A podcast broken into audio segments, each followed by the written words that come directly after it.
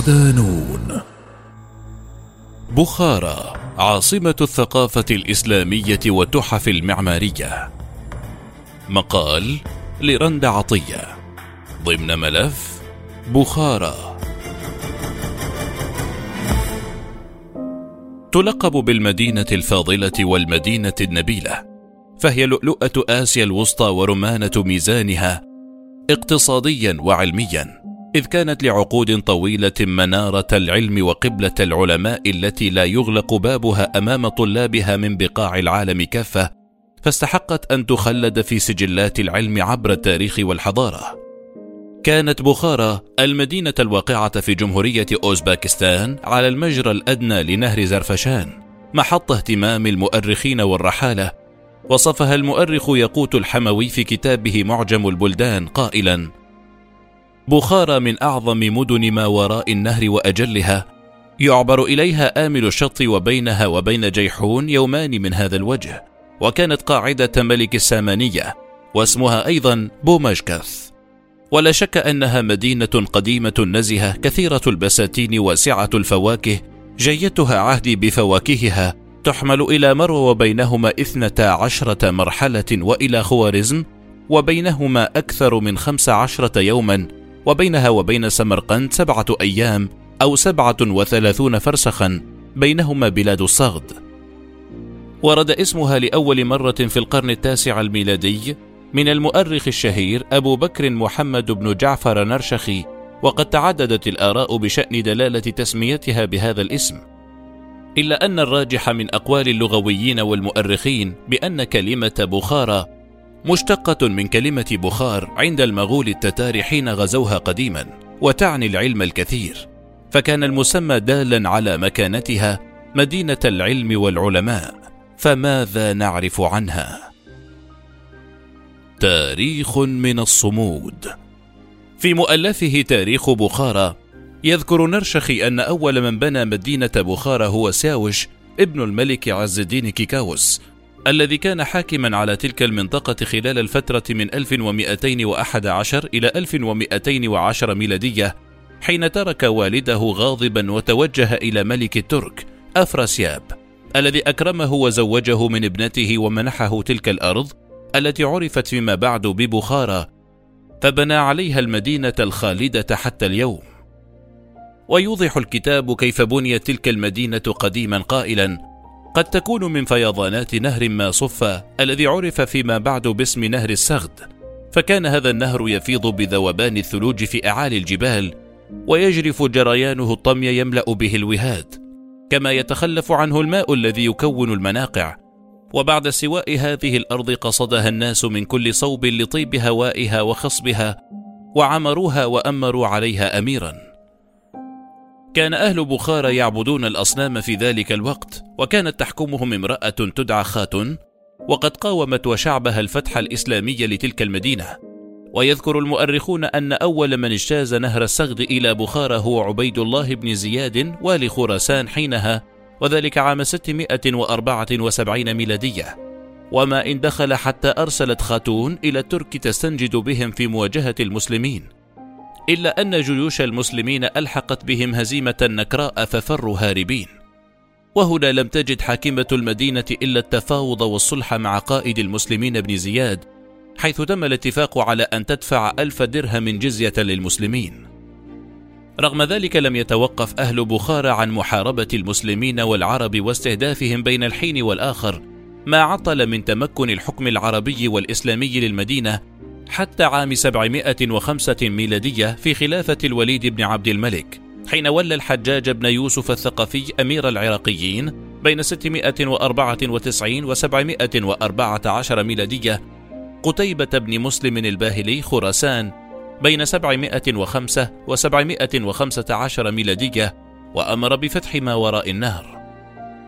ظلت بخارى تابعة إداريا لولاة خراسان الطاهريين حتى عام 892 ميلادية ثم صارت بعد ذلك عاصمة للدولة السامانية بعد أن ولى أمير سمرقند نصر بن أحمد الساماني أخيه إسماعيل على حكم بخارى بناء على طلب أهلها وعلمائها.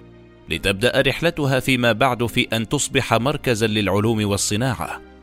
وبحسب روايات المؤرخين فإن بخارى كانت تتمتع بمستوى اقتصادي ومعيشي عظيم إذ كانت موطنا للكثير من الصناعات وألوان التجارة المختلفة فيما تشير بعض الوثائق إلى أن المسلمين حين فتحوها غنموا منها الكثير والكثير من المال والمصنوعات التي كانت تنافس بها حينها مدينة سمرقند التي كانت تعد من قلاع الصناعة في العالم آنذاك. تعرضت بخارى للتدمير والتخريب أكثر من مرة، لكنها بعد كل حادثة تنهض أفضل مما كانت عليه، حيث دمرت على يد قائد المغول جنكيز خان عام 1220 ميلادية، ثم أعيد بناؤها في عهد خليفته أوكيدي خان، ثم ثار الشعب على حكم المغول وطبقة الملاك عام 1238 ميلادية لكن سرعان ما أخمدت تلك الثورة وفي عام 1273 مارس مغول فارس كل أنواع السلب والنهب في مقدرات المدينة وخيراتها ثم تم تخريبها مرة أخرى عام 1275 وظلت قرابة سبع سنوات كاملة لا يدخلها بشر. أعاد الأمير مسعود بيك تعميرها مرة أخرى عام 1283 ميلادية وبدأت مرحلة تعمير سكاني جديدة إلى أن أغار عليها مغول فارس مرة أخرى عام 1316 ميلادية وأفرغوها من سكانها. وفي عام 1500 ميلادية فتحها الأزابكة التي شهدت بخارى في عهدهم لا سيما أميري بني شيبان عبد الله بن محمود بين 1512 و 1513 ميلادية وعبد الله بن إسكندر بين 1512 و 1557 ميلادية أوج مجدها حيث أصبحت مركزا للحياة السياسية والروحية. تناوب على حكم بخارى عشرات الأمراء والملوك من شتى الطوائف والكيانات وصولا إلى عهد الأمير عبد الأحد خان بين 1885 و 1910 الذي كان إذانا بتقسيم المدينة. ففي ولايته اتفقت كل من روسيا وإنجلترا التي كانت صاحبة النفوذ في أفغانستان حينها على إعادة تقسيم الحدود بين بخارى وأفغانستان. على أن يكون نهر بانج هو الفيصل الحدودي بينهما وأعلنت ما سمي بإمارة بخارى عام 1887 ميلادية. لكن بعد الثورة الشيوعية في روسيا عام 1918 سيطر الثوار على بخارى وخربوها مجددا. وفي عام 1924 أعلن قيام جمهورية بخارى بشكل رسمي لكن سرعان ما تقسمت مرة أخرى بين جمهوريات طاجيكستان وأوزباكستان وتركمانستان وصارت بخارى إحدى المدن المهمة في جمهورية أوزباكستان على الوضع الذي باتت عليه اليوم. تحفة معمارية. رغم المؤامرات التي حيكت ضد بخارى وعشرات الولاة الذين تعاقبوا عليها ظلت قلعة معمارية لا نظير لها في آسيا الوسطى رغم كل المرات التي تعرضت فيها للتدمير والخراب. وهو ما يؤكد قوة تراثها وعظمة معمارها الذي استطاع الصمود أمام كل عوامل التعرية الجغرافية والسياسية والتاريخية. ووفق إحصاء الباحثين فإن بخارى بها أكثر من 140 أثرا معماريا متنوعا منها قبة السامانيين التي شيدت عام 892 ميلادية على يد إسماعيل الساماني والمبنى عبارة عن مربع تعلوه قبة ترتكز على رقبة تبدأ بثمانية أضلاع وتنتهي بستة عشر ضلعا في أركانها أربعة قباب صغيرة. وهناك كذلك البوابة الجنوبية لأحد مساجد بخارى التي شيدها القراخانيون في القرن الثاني عشر الميلادي. وقد جمعت هذه البوابة كل الفنون الزخرفية في بخارى وعشرات المساجد التي يصفها المؤرخون بأنها تحف معمارية لا نظير لها مثل مسجد نماسكا ومئذنة كاليان التي أقامها أرسلان خان سنة 1127 ميلادية والمزينة بالطوب المزخرف بمهارة عالية. ومسجد بلند الذي يتميز برواق خارجي به أعمدة خشبية تحمل سقفا خشبيا. كما يحيط بالمدينة سور عظيم هو بمثابة حائط الصد الأمين لها في مواجهة الرمال الصحراوية. وينتشر على جنبات هذا السور أحد عشر بوابة وهي بوابة إمام بوابة مزار بوابة سمرقند بوابة أقلان بوابة تلياج بوابة شركيران بوابة قرغول بوابة شيخ جلال بوابة نمازكاه بوابة سلاحخانة بوابة كيرشي. وبها عدد من الميادين الشهيرة أبرزها ميدان لبحوظ وهو ديوان بيكي وميدان ريجستان وهو أوسع ميدان عام في المدينة بجانب عشرات المدارس التاريخية التي تعد من أقدم المدارس الإسلامية عمارة في آسيا الوسطى وأهمها مدرسة مير عرب ومدرسة كوكلتاش أو كوكلداش ومدرسة خليف نياسكول جهار منار ومدرسة المآذن الأربعة ومدرسة كوش وتعني اثنين. ونظرا لهذا التراث الهائل والثروة التاريخية العظيمة أعلنت منظمة اليونسكو عام 1996 إدراج بخارى ضمن قائمة التراث الثقافي العالمي وحمايتها. وفي العام التالي مباشرة 1997 ميلادية تم الاحتفال بمرور 2500 سنة على تأسيس المدينة على مستوى دولي وسط احتفاء عالمي بتلك المعالم الأثرية الفريدة.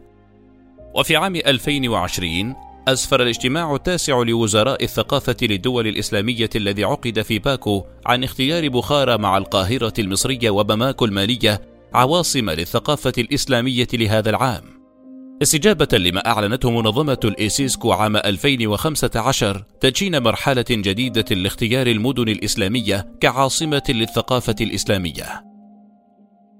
أبرز علماء بخارى أنجبت بخارى عشرات العلماء في شتى المجالات ذاع صيتهم في مشارق الأرض ومغاربها وما زالوا يمثلون حتى اليوم المرجع الأساسي في العلوم التي برعوا فيها. منهم أبو القاسم محمود بن عمر بن محمد بن عمر الخوارزمي الشهير بالزمخشري. عاش بين 1074 ميلادية و 1143 ميلادية. وهو أحد أعلام البلاغة واللغة.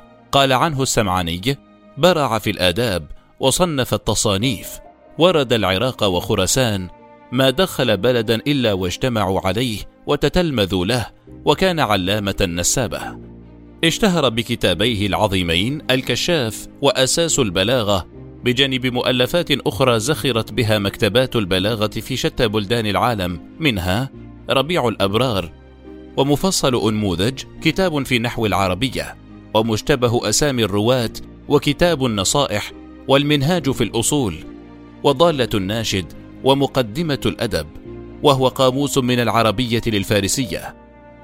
كذلك الطبيب والفيلسوف الإسلامي الكبير الحسين بن عبد الله بن سينا الذي عاش بين 931 و 1037 ميلادية أحد أعظم رواد الفكر الإنساني في التاريخ المولود في قرية أفشنة من قرى بخارى وكان ضليعا في الطب والفلسفة والشعر لقب بالريس والمعلم الثالث بعد أرسطو والفارابي كما عرف بأمير الأطباء. كانت له اكتشافات وإسهامات عظيمة في العلوم الفلكية حيث استطاع أن يرصد مرور كوكب الزهرة عبر دائرة قرص الشمس بالعين المجردة في يوم الرابع والعشرين من مايو أيار 1032 ميلادية وهو ما أقره الفلكي الإنجليزي جيرما روكس في القرن السابع عشر ومن أبرز مؤلفاته في الفلك كتاب الأرصاد الكلية ورسالة الآلة الرصدية وكتاب الأجرام السماوية وكتاب في كيفية الرصد ومطابقته للعلم الطبيعي ومقالة في هيئة الأرض من السماء وكونها في الوسط كتاب إبطال أحكام النجوم. وفي الجيولوجيا له باع طويل في مجال طبقات الأرض خاصة في المعادن وتكوين الحجارة والجبال. ويعد من أوائل من فسروا الزلازل بأنها حركة تعرض لجزء من أجزاء الأرض بسبب ما تحته. كما تحدث عن السحب وكيفية تكونها وفي علم النبات أجرى المقارنات العلمية الرصينة بين جذور النباتات وأوراقها وأزهارها ووصفها وصفا علميا دقيقا ودرس أجناسها وأشار إلى اختلاف الطعام والرائحة في النبات. وكان لابن سينا معرفة جيدة بالأدوية وفعاليتها وقد صنف الأدوية في ست مجموعات وفي الطب كذلك له إسهامات عظيمة حتى إنه لقب بأمير الأطباء. فكان أول من كشف عن العديد من الأمراض التي سبق بها العلماء المحدثين بمئات السنين. كاكتشافه طفيل الإنكلوستوما وسماها الدودة المستديرة حيث سبق العالم الإيطالي دوبيني بنحو 900 سنة وهو أول من وصف الالتهاب السحائي كما كشف لأول مرة عن طرق العدوى لبعض الأمراض المعدية كالجدر والحصبة. وقد أثر ابن سينا مكتبة العلوم بأربعمائة وخمسين مؤلفا ما وصل منها 240 فقط والباقي فقد لأسباب عدة منهم 150 مؤلفا في الفلسفة وقرابة 40 في الطب. وله مؤلفات عدة في علم النفس والجيولوجيا والرياضيات والفلك والمنطق. ومعظم كتبه كتبت باللغة العربية باستثناء كتابين اثنين فقط وضعهما بالفارسية لغته الأم. هما موسوعة العلوم الفلسفية والثاني دراسة عن النبض. أما العالم الثالث الذي أنجبته بخارى فكان أفضل سفير لها على مر الزمان هو العالم المحدث أبو عبد الله محمد بن إسماعيل البخاري المعروف بالإمام البخاري بين 810 و 870 ميلادية المولود ببخارى والمتوفي في سمرقند وهو محمد بن إسماعيل بن إبراهيم بن المغيرة بن بردزبة ابن الأحنف الجعفي القحطاني صاحب كتاب الحديث المعروف بصحيح البخاري أصح كتاب بعد القرآن والسنة. وللبخاري أكثر من عشرين مؤلفا في علوم الحديث استحق بها أن يكون المرجع الأهم والأكثر مصداقية وثقة لدى المسلمين رغم مئات علماء الحديث الذين عاصروه أو سبقوه. ومن أبرز تلك المؤلفات صاحبة الصيت الكبير الجامع الصحيح المسند من حديث رسول الله وسننه وأيامه المعروف بالجامع الصحيح أو صحيح البخاري والأدب المفرد والتاريخ الكبير والتاريخ الصغير وخلق أفعال العباد ورفع اليدين في الصلاة والكنى والضعفاء الصغير.